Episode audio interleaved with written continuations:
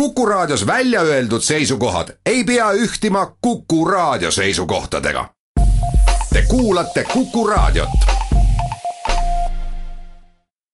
tervitame stuudios siseministrit ja Reformierakonna aseesimeest Hanno Pevkurit, tere päevast! tere kaunist sügispäeva! Hanno, alustame kõige värskemast, üheksakümmend allkirja andsid Riigikogu liikmed presidendikandidaat Kersti Kaljulaidi ülesseadmiseks ja toetuseks Reformierakonnalt tulid kõik kolmkümmend fraktsiooni liikmete allkirja, kas see näitab seda, et Reformierakonnas on kodurahu ja üksmeel selles osas, et vabariigi president peab saama valitud ja see peab olema Kersti Kaljulaid? Reformierakond on kogu aeg seda meelt olnud, et et president tuleks valida võimalikult kiiresti ja, ja nii, nagu põhiseadus seda ette näeb, et elik me nägime tegelikult juba eelmine kord parlamendis, et kõik tuleks teha selleks, kus parlament saaks ära valitud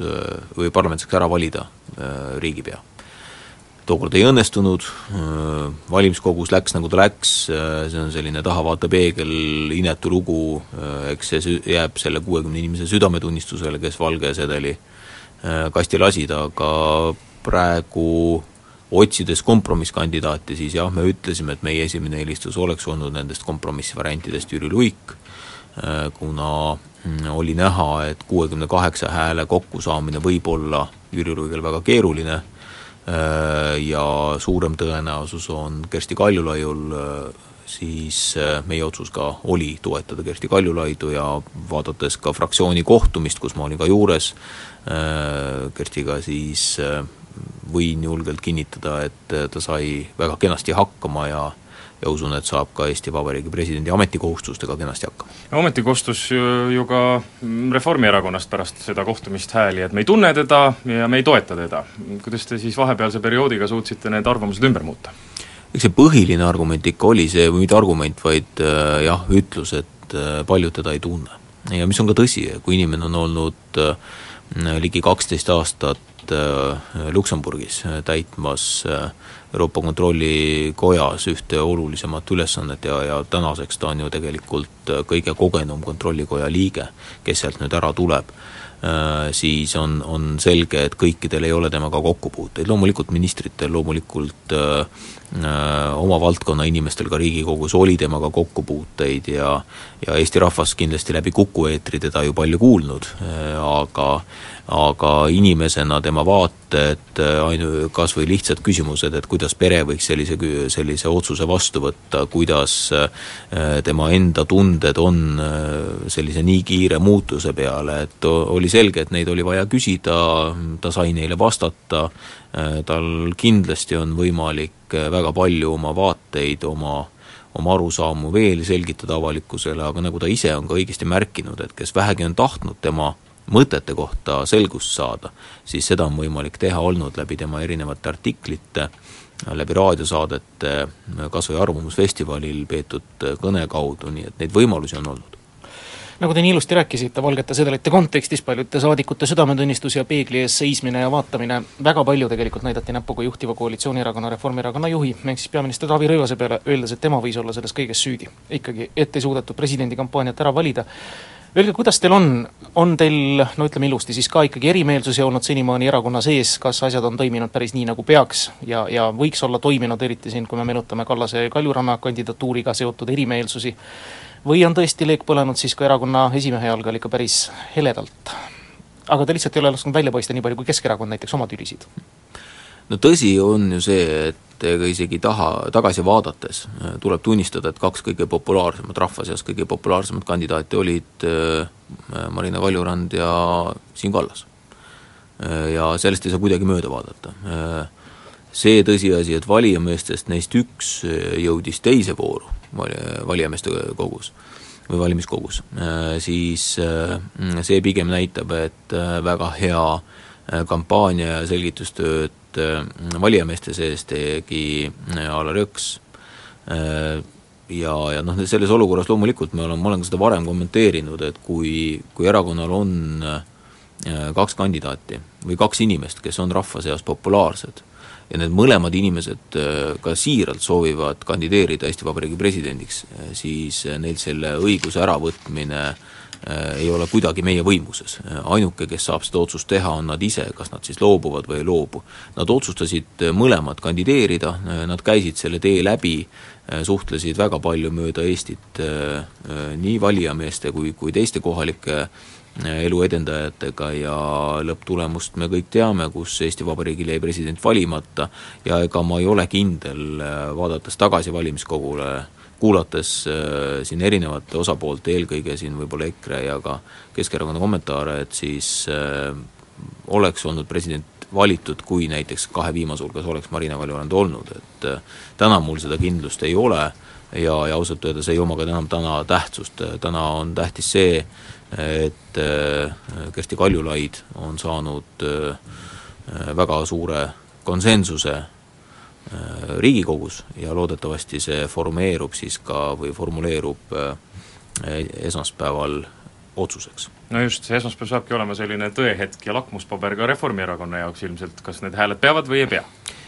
mina usun, et Reformierakonna kolmkümmend häält Äh, saavad olema ka äh, toetushäältena äh, lõpuks valimiskastis. Aga nagu me kõik teame, tegemist on salajase hääletusega ja ja need hääled, kui on kokku loetud, siis on näha, kas seal on üheksakümmend või rohkem häält või on vähem kui on vähem, äh, siis minu siiras soovitus on küll see, et kellelegi näpuga näitama ei hakata, sellepärast et äh, see, see ei vii mitte kuskile, oluline on, et parlament leiaks äh, piisava konsensuse, et president saaks valitud ja noh, selliseid spekulatsioone juba ette hakata tegema või ka tagantjärgi, et no see ei ole väga mõistlik. Vahetame äkki teemat, me lubasime rääkida kindlasti ka sõjapõgenikest. Eesti on lubanud Mm, väljaspool Euroopa Liitu asuvatest riikidest kahe tuhande seitsmeteistkümnendas on tuleva aasta lõpuks vastu võtta ja ümber asustada viissada viiskümmend sõjapõgenikku, ilmselt selles tempos tänasel hetkel ei minda ja selle viiesaja viiekümneni ei jõuta, mille taga asjad seisavad? Eesti on olnud väga konstruktiivne ja piisavalt tubli kogu Euroopa konteksti vaadates, kui me võtame kõik Euroopa riigid, palju praeguseks on ümber paigutatud või ümber asustatud, siis see number on seal natukene üle viie tuhande. Äh, iga päev jah, see number suureneb äh, ja, ja kui me vaatame nüüd, palju on Eestis äh, tee leidnud, siis Eestisse on jõudnud kuuskümmend sõjapõgenikku, elik me oleme teinud üle ühe protsendi kogu sellest mahust. Äh, nüüd, kui me vaatame Eesti suurust äh, Euroopas, nii rahvaarvu kui majanduse võrdlusena, siis meie osakaal on seal kuskil null koma kolme või isegi allapoole äh, protsendi juures, elik me oleme teinud pea neli korda rohkem kui meie suurust arvestada ja võr-, võrrelduna siis teiste riikidega, kui kui on meie suurus võrre-, siis Euroopas. ja, ja seetõttu meie kindlasti ka edaspidi jätkame seda joont, et me teeme inimestele taustakontrolli, me kindlasti jätkame seda joont, et me soovime kõik vajalikud toimingud ära teha väljaspool Eestit ja, ja siis äh, saame juba veenduda selles, et siia jõudvad inimesed siia ka soovivad jääda, et ei oleks nagu Lätis või ei oleks ka nagu Leedus, et need inimesed lähevad sealt ära. Ja eks siis aeg näitab, kas me jõuame Euroopas tervikuna äh, püstitatud eesmärgi täitmiseni järgmise aasta lõpuks või mitte no äh, siin, kui seesama teema üles kerkis mõned nädalad tagasi, et äh, kogu Euroopa Liidus tegelikult on pre-, probleem selle numbri või eesmärgi täitmisega, see ei ole ainult Eesti probleem. eelmise, järgmise aasta lõpuks Euroopa Liit oli vist ette pannud sada kuuskümmend tuhat, et sellest, äh, nagu te ütlesite, viis tuhat on siiani ainult hakkama saadud ja siis käis ka läbi see teema, et äh, ka Eesti puhul, et Kreekast on tegelikult oluliselt lihtsam seda taustakontrolli teha kui Itaaliast äh, või Itaalias olevate ähm, sõjapõgenike suhtes. kui palju pädeb see informatsioon, et Itaalia on tegelikult ka ise hädas äh, oluliselt rohkem sõjapõgenikega just selle tõttu, et seal on väga suur hulk just majandusmigrante, kelle puhul ei ei suudeta seda taustakontrolli korralikult teha ja Itaalia on hädas, nad ei oska ka midagi nendega peale hakata, sest Euroopa Liit on öelnud, et me võtame vastu vaid sõjapõgenikke see on tõsi jah, kui me vaatame, kust inimesed jõuavad, kas Itaaliasse või Kreekasse, siis nad jõuavadki väga erinevaid teid pidi, et Kreeka põhimass on ikkagi tulnud äh, Türgist. ja, ja Türki on need inimesed jõudnud ikkagi Süüriast või Afganistanist või Iraagist. Äh, kui me vaatame Itaaliat, äh, siis valdavas enamuses Itaaliasse jõudnud põgenikud on tulnud siis otse läbi Liibüa ja, ja Kesk-Aafrikast ja nende, nende marsruut on olnud hoopis teine, ehk selline Kesk-Vahemeri ja teine on siis tegelikult Kreeka-Türgi vaheline äh, vaheline ala, nii et need teekonnad on olnud erinevad, seetõttu ka need inimesed, kes on Euroopasse jõudnud, on erinevad. Ja Kesk-Aafrikas tõesti, kuigi jah, on erinevaid kriisipiirkondasid, kui me Aafrikas vaatame, nii Somaalia kui Mali kui, kui veel teised riigid, kus on, on muresid, siis tegelikult see pilt Itaalias on oluliselt kirjum ja seetõttu tegelikult ka nende inimeste puhul jah, sellist sõjapõgeniku staatust leida on oluliselt keerulisem, kui me võtame võrdluseks Iraagi, äh, Süüria või, või ka Afganistani, et kus igapäevaselt sõjategevus käib äh, kahjuks ja, ja inimesi surma saab, nii et jah, see olukord ongi väga erinev meil on poolteist minutit jäänud veel kuni reklaamipausini, lubasime rääkida kuulajatele ka võrkpallist natuke, sest et Hanno Pevkuri ühiskondlikud ametid on sedavõrd laia haardega, et ta on ka Võrkpalliliidu president. Ega ei salga, päris olulised mängud selga seisavad ees nüüd homme ja tuleval laupäeval pääsuks Euroopa meistrivõistluste finaalturniirile, see on oluline mitte ainult noh, nii-öelda maineliselt mängida kolmandat korda juba EM-finaalturniiril, vaid ilmselt oluline ka majanduslikult, sest et Vabariigi Valitsuse mingi määrus ütleb ka finaalvõistlustele jõudnud võistkondade kohta, et need saavad ju toetatud alaliidu läbi et äh, tegelikult mis ma tahtsin küsida, kuidas teile tundub alaliidu presidendina, kas seesugune käik, et üks võistkond täiskasvanud mehi, kellel on pered kodus, laagerdub lihtsalt tükk aega Poolas olulisteks mängudeks valmistudes, kas see on päris õige lähenemine? no kõigepealt mõned täpsustused, et me proovime jõuda juba neljandat korda finaalturniirile ja, ja meie kodumäng on pühapäeval. Äh, me mängime homme jah, Lätis, äh, aga kodumäng on pühapäeval, nii et kõik on Tondirabasse oodatud on pileteid veel saada või? Äh, pileteid on saada veel, äh, Piletilevi neid äh, edasi müüb, nii et kutsun kõiki üles tulema tegema saalis inimmustvalgeks, aga aga nüüd lühidalt selle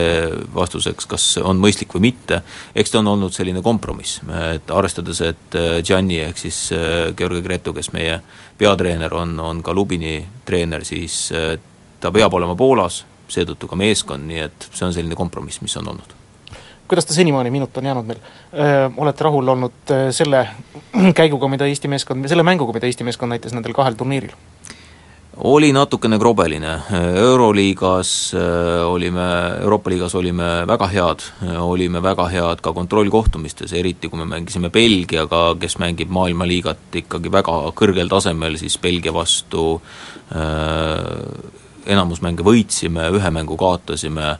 tegime tõesti väga head mängud ja, ja oli, oli väga hea nagu selline emotsioon äh,, kvalifikatsioonis äh, kõik ei sujunud nii, nagu, nagu pidi, mehed ka ise olid natukene mures, tegelikult ei saanud täpselt aru, et kus see voolavus äh, puudu jäi, aga ma väga loodan, et äh, viimane mäng ja võit Tšehhi üle ja nüüd pääs play-off'i ja ja teadmine, et vastu tuleb Läti vana hea sõber ja naaber, et see, see on tõstnud poiste emotsiooni üles ja ja meid ootavad kaks väga head mängu ja mis loodetavasti viivad meid EM-i finaali saate viib suusareisile stiilnepuhkus.ee Vox Populi stuudiotelefon on kuus, kaks, üks, neli, kuus, neli, kuus, sinna on võimalus helistada, küsida siseministrilt, Reformierakonna aseesimehelt Hanno Pevkurilt küsimusi, kuivõrd meie jututeemade aspekter oli lai, siis on ka teil võimalus küsida just nimelt nendel teemadel küsimusi. esimene helistaja ongi liinil, tervist! tervist! minu küsimus oleks selline, et praegusel hetkel ma saan aru, et teie valdkonda kuulub ka päästeteenistus. jah. ja ühesõnaga, kohalike omavalitsuste praegu käib e-organisatsiooni ehitamine ja kahjuks on väga paljud asjad ja probleemid pole lahenenud, aga noh, sellest ma ei hakka teile rääkimagi, see on omaette probleem, seal on ka inimesi lolitatud. aga oleks vajalik, et tiheasuva piirkonnas hüdrandid pannakse välja, see oleks esmane asi, ütleme inimeste kustutamise jaoks, kui päästeteenistusega hakatakse sulgema, neid on niikuinii veel ja hoitakse kokku, nagu meil politsei ja kõigiga on olnud,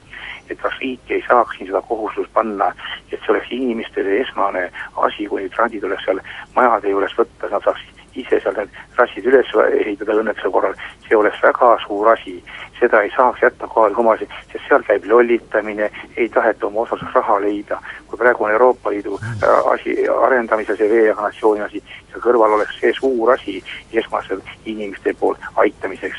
tänan, see oleks minu küsimus aitäh väga hea küsimuse eest,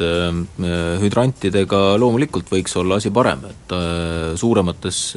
linnades, eelkõige Tallinnas on meil hüdrantidega seis päris hea, aga tõsi on see, et mida väiksemaks läheb koht, seda, seda kehvemaks läheb ka veevarustus ja, ja tuletõrje seisukohalt see, mis me seda siis nii-öelda kompenseerivana oleme teinud, on see, et me ostame ka uusi paakautosid ja ja, ja me proovime loomulikult, kus vähegi võimalik, omavalitsusega leppida kokku neid võimalusi, et veevõtukohti oleks rohkem ja siin praegu hetkel kuum, kuum paik meie jaoks Piirissaare, et ka seal omavalitsusega koostöös otsime neid, neid võimalusi, et veevõtukohad oleksid paremini hooldatud kuus kaks üks neli kuus neli kuus, valmis vastu võtma järgmise küsimuse siseminister Hanno Pevkurile. ja helistaja ongi liinil, tervist! tere! Olen Leo Järve-Jaanist. küsimus Hanno Pevkurile, kes on ka Järve-Jaani mehega, Järve-Jaaniga seotud. teate, kui juhtub trassil avarii, kus on, ütleme, surmaohvrid, siis seda juurdleb politsei. aga me peaksime karmistama võib-olla hoopis muud asja, et need tervisetõendid arstid nii kergelt välja ei annaks. teate, ei ole ju normaalne, kui kaheksakümne viie aastane mees on meil roolis, võib-olla seitsekümmend viis või kuuskümmend viis no see on igal inimesel erinev, aga perearst peaks ikka nägema ära, et noh, et inimene enam ei ole võimeline autot juhtima. Teie arvamus? minu arvamus äh, on selgelt see, et äh, ei politsei ega pääste ei hakka võtma endale rolli hindamaks inimeste tervist ja seda saab ainult teha äh, vastav vastava kvalifikatsiooniga inimene, elik siis arst ja, ja loomulikult on meie, meie huvi see, et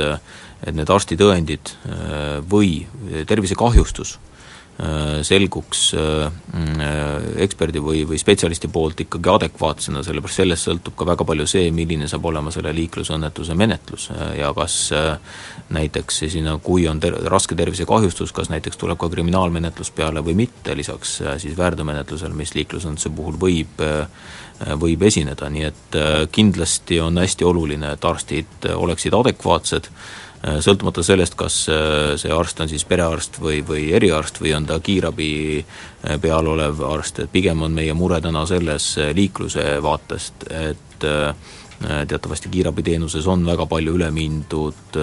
kas siis õebrigaadidele või, või lausa parameedikutele ja, ja see teeb meie jaoks kindlasti selle kohapealse olukorra hindamise mõnevõrra raskemaks ja, ja ka pikemaks, aga aga lõppkokkuvõttes lühike vastus on ikkagi see, et tervishoiu, äh, tervishoius pädev olev inimene või asutus on see, kes saab hinnata tervisekahju olemasolu. Telefonil on järjekordne küsija, tervist! tere, minul Toivo Tallinnast, mul oleks selline küsimus, et liiklusohutusalane, et mis näiteks takistab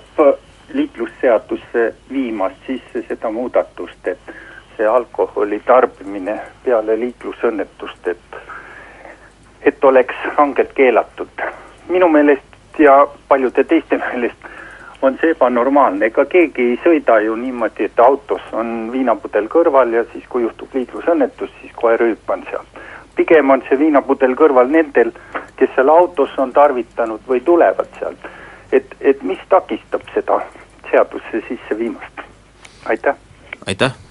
asi on töös, õiguskomisjon parlamendis äh, seda hetkel menetleb ja loodetavasti nad jõuavad võimalikult kiiresti ka suurde saali, et see vastu võetakse, aga nagu ikka, saatan peitub detailides ja ka seal sõltub ikkagi nii-öelda selle tõendamiskoormuse panemisest ja kuidas seda siis ühte või teist olukorda äh, tõendada. Ja eks me Politsei- ja Piirivalveameti vaatest peame arvestama ka sellega, et kui äh, vastaspoolel on äh, kaitsjad, siis äh, see seaduse tekst peab olema piisavalt selge kõigile, et ei oleks kahtepidi mõistetavusi. aga nagu ma ütlesin, parlament hetkel seda menetleb ja loodetavasti saab juba lähiajal see probleem lahenduse. kuus kaks üks neli kuus neli kuus on stuudiotelefoni number, see on taas helisenud, tere! tere äh,, hiljuti tappis üks väidetavalt purjus politseinik Lasnamäel ühe oma kaaskodaniku majaelanikku, et milliseid meetmeid on Siseministeerium võtnud tarvitusele, et kaitsta tavalisi kodanikke selliste politseinike tegevuse vastu? aitäh, see oli väga väga traagiline juhtum, loomulikult äh, oludes, kus äh, politseinik äh, tööst vabal ajal äh, oli alkoholi tarvitanud ja, ja, ja arvestades, et tegemist oli kiirreageerijaga, siis kiirreageerijal oli ka äh,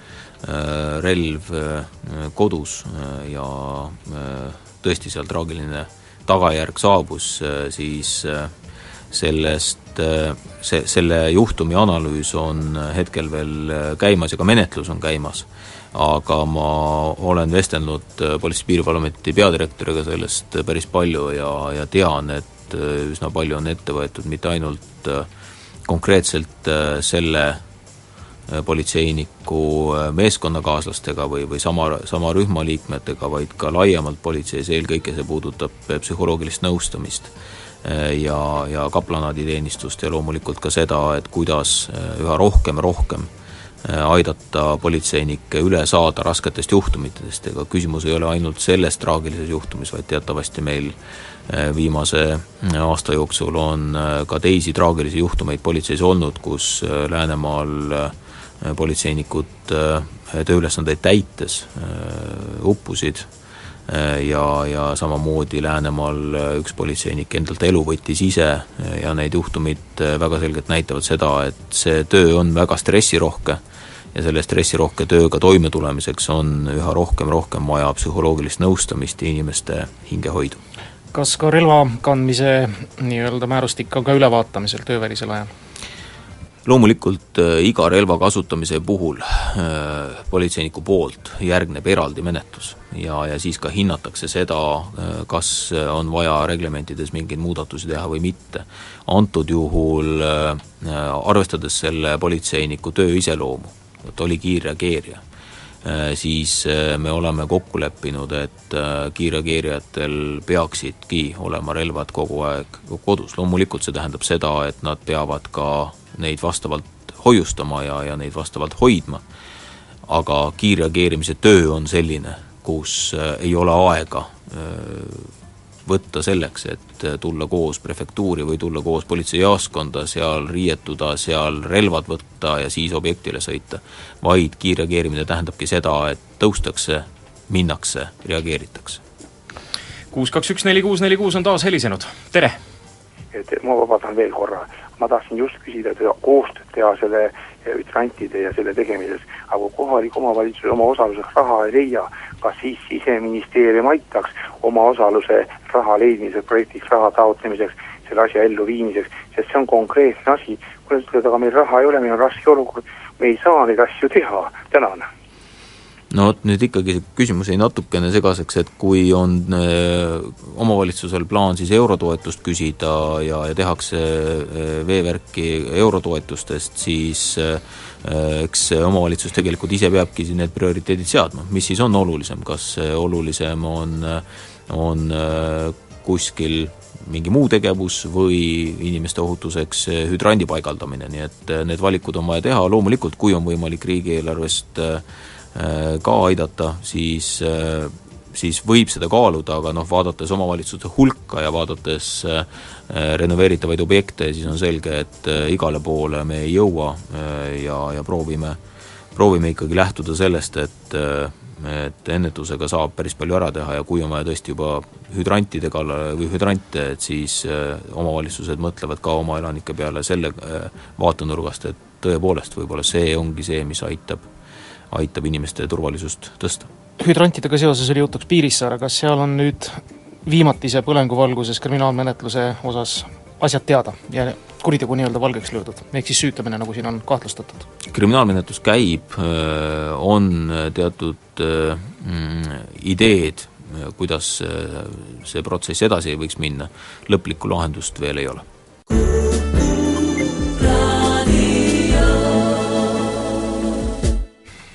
nelikümmend seitse ja pool minutit on kell kaks läbi, telefon kuus kaks üks neli kuus neli kuus on valmis vastu võtma kõnesid, küsimusi siseminister Hanno Pevkurile, kes on meil täna stuudios,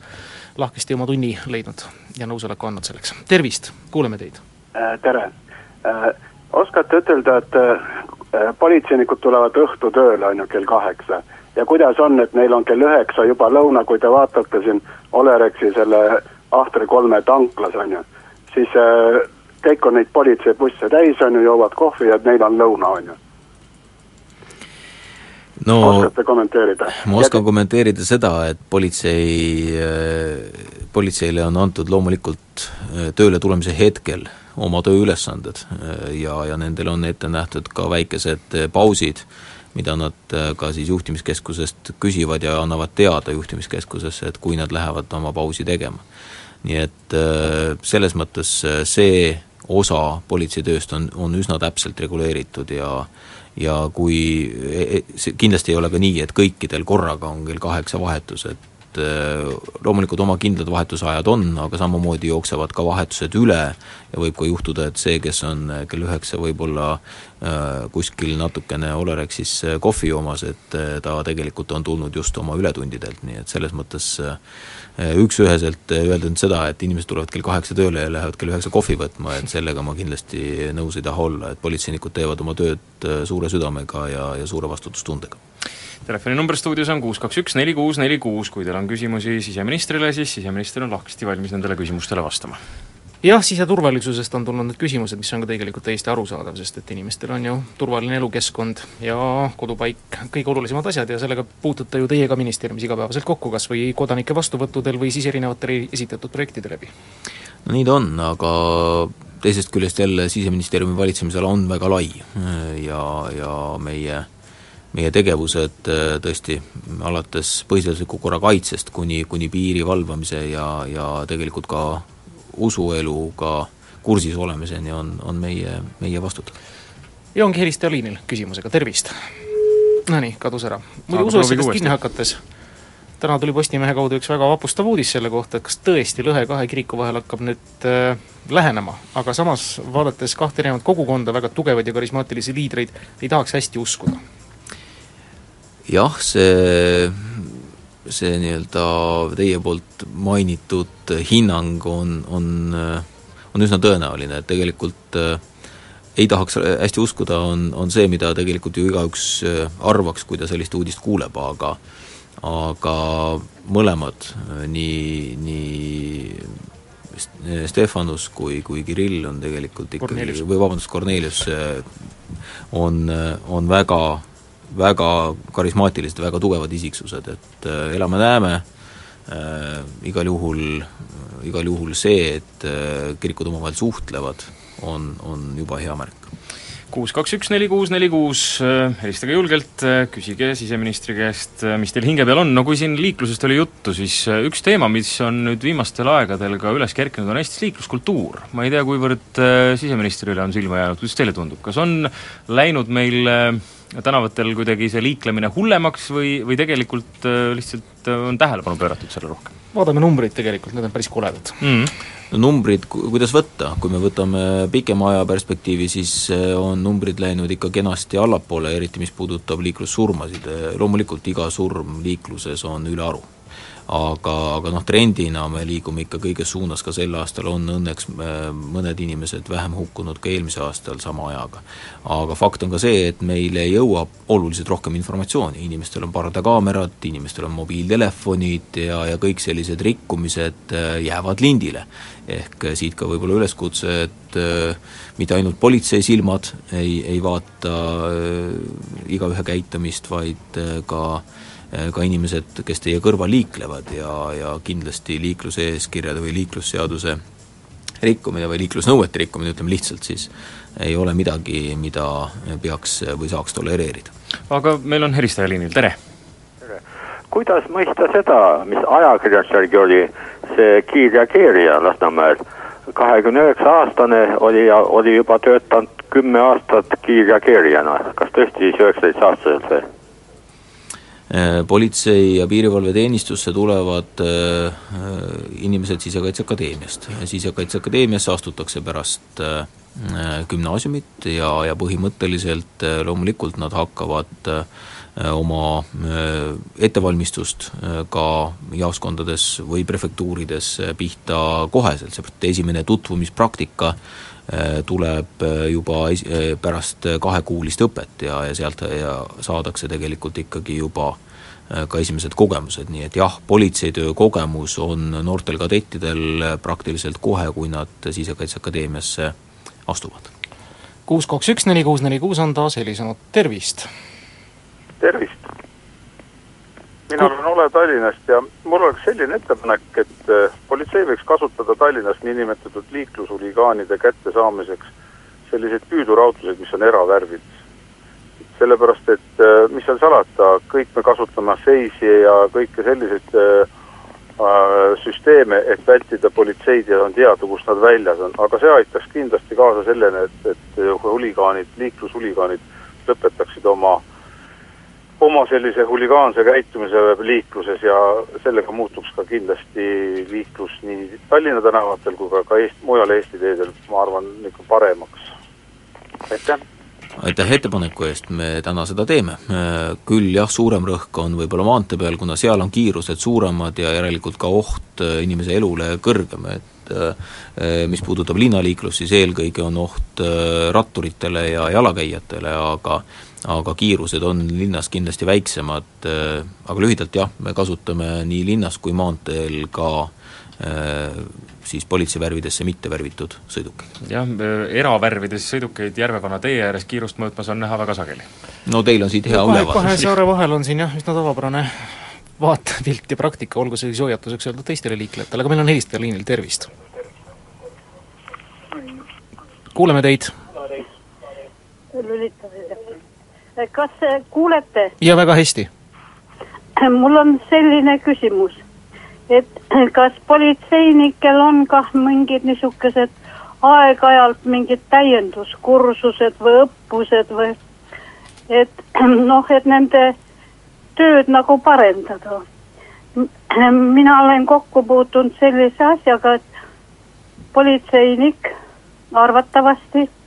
läheneb autole seisvale autole, ei tervita, ei esitle, ütleb ainult ühe sõna, dokumendid. Peale seda siis, kui talle on esitatud dokumendid, põhjust tal muidugi ei ole, ei täna, ei jäta jumalaga, ei soovi reisi. kas politseinikud ei võiks oma tööstiili sellist asja võtta? Ja kui mõni on, noh, ma arvan, et on ka neid, kes kes eh, seda teevad, mida mina praegu nagu tahaksin kuulda ja näha. et kas siis nendel, kes ei tule selle peale, võiks ju mõni niisugune täiendus olla, kursus või õppus või. ja teine küsimus on mul veel. et kas peetakse statistikat mida on väga kurb vaadata, kui politsei ajab rikkujad taga. see lõpeb tavaliselt katastroofiga. kas sõidetakse autopuru või saab eessõitja surma või kas on mingi statistika, kui palju sedasi saab neid juhte surma või raskelt vigastada selle, sellise, sellisel tagaajamisel see on kõik. aitäh, proua! aitäh, alustame esimesest,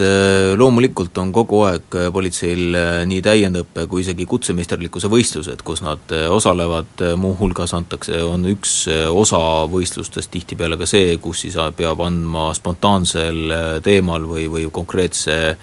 ülesande põhjal teleintervjuusid või ka siis suhtlemiskoolitust, aga aga fakt on see, et, et meie süsteemis on viis tuhat inimest ja viis tuhat inimest on päris suur hulk. ja nende, nende käitumine loomulikult peab olema kõige kõrgemal tasemel minu enda sõnum noortele kadettidele Sisekaitseakadeemias ka vande vastuvõtmisel on alati olnud see, et inimesega suheldes tuleb alati mõelda kuldsele reeglile, et käituge nii, nagu te tahaksite, et teiega käitutaks. Äh, sellepärast, et homme võite olla teisel pool klaasi autorooli taga teie ja keda teie kolleeg siis äh, peatab. nii et see on nagu see kuldne reegel äh, viisakusest ja etiketist ja, ja suhtlemisõpetusest. Mis puudutab nüüd teist küsimust, siis politsei esmane ülesanne on olukorras, kus kedagi on vaja hakata tagasi, taga ajama, äh, tagada turvalisus. Äh, eelkõige kaasliiklejate turvalisus, seejärel loomulikult enda ja ka liiklusrikkuja turvalisus. Äh, minule teadaolevalt nüüd tagaajamise käigus kedagi küll viimastel aastatel õnneks hukka pole saanud ja, ja kasutatakse ka väga palju erinevaid meetodeid inimeste kinnipidamiseks, neid ärasõite või eest ärasõite väga tihti õnneks ette ei tule,